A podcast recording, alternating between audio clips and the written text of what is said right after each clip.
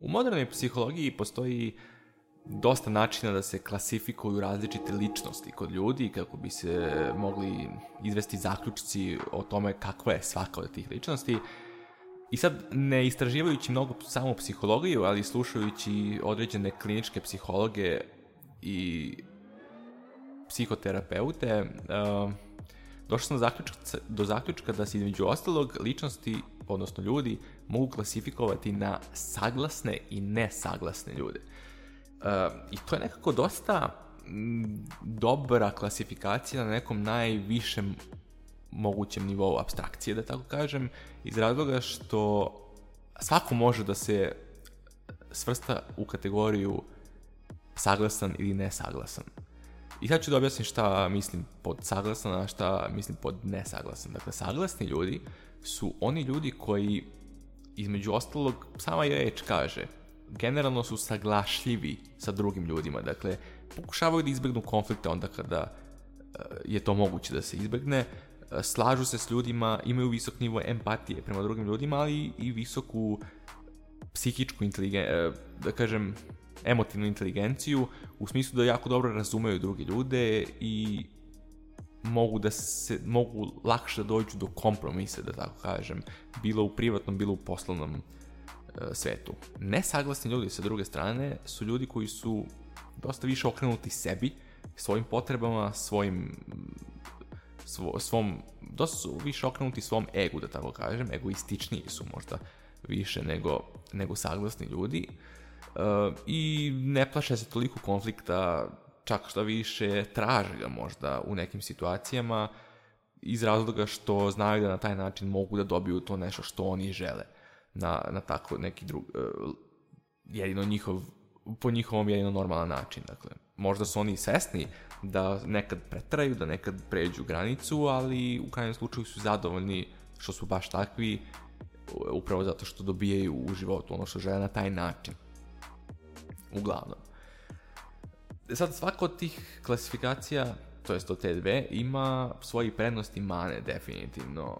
E, ljudi koji su saglasni će biti generalno prijatniji drugim ljudima oko, ljudima oko sebe. Dakle,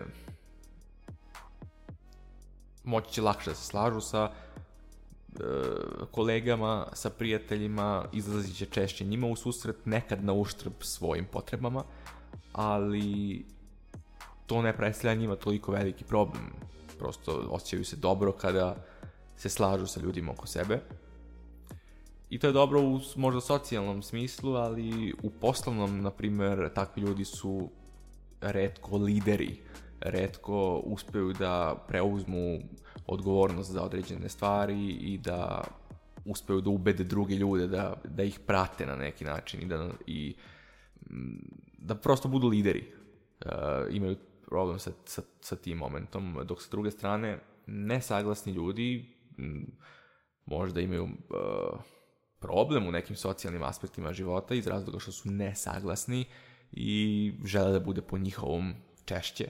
I onda kada ne dolazi do toga ili kada ljudi ne daju to što oni žele, dolazi do konflikata, je tako? Sad nekad ti konflikti možda i prerastu u velike konflikte, pa ta osoba nije odigrala pametno i napravila je problem sebi umesto da napravi korist. Uh, ali sa druge strane, onaj ko ne pokušava ni ne dobije, jel tako? Tako da, možda u poslovnom smislu uh, imaju tu moć da prosto ubede ljude da ih prate i da rade ono što oni žele i da na taj način na neki način manipulišu drugima zarad sobstvene koristi, to nije loše e, nužno. Ljudi koji su takvi, ali koji znaju šta rade, dobiju ono što oni žele, ali dobiju ljudi oko njih ono što je zapravo bolje za njih nego što su i sami znali, jel? Ako je pravi lider u pitanju. E, tako da mislim da je ovo, ova klasifikacija vrlo bitna da svako razmisli o tome da li spada u saglasne i nesaglasne ili nesaglasne ličnosti generalno, e, zato što to dosta može da ti kaže o samom sebi.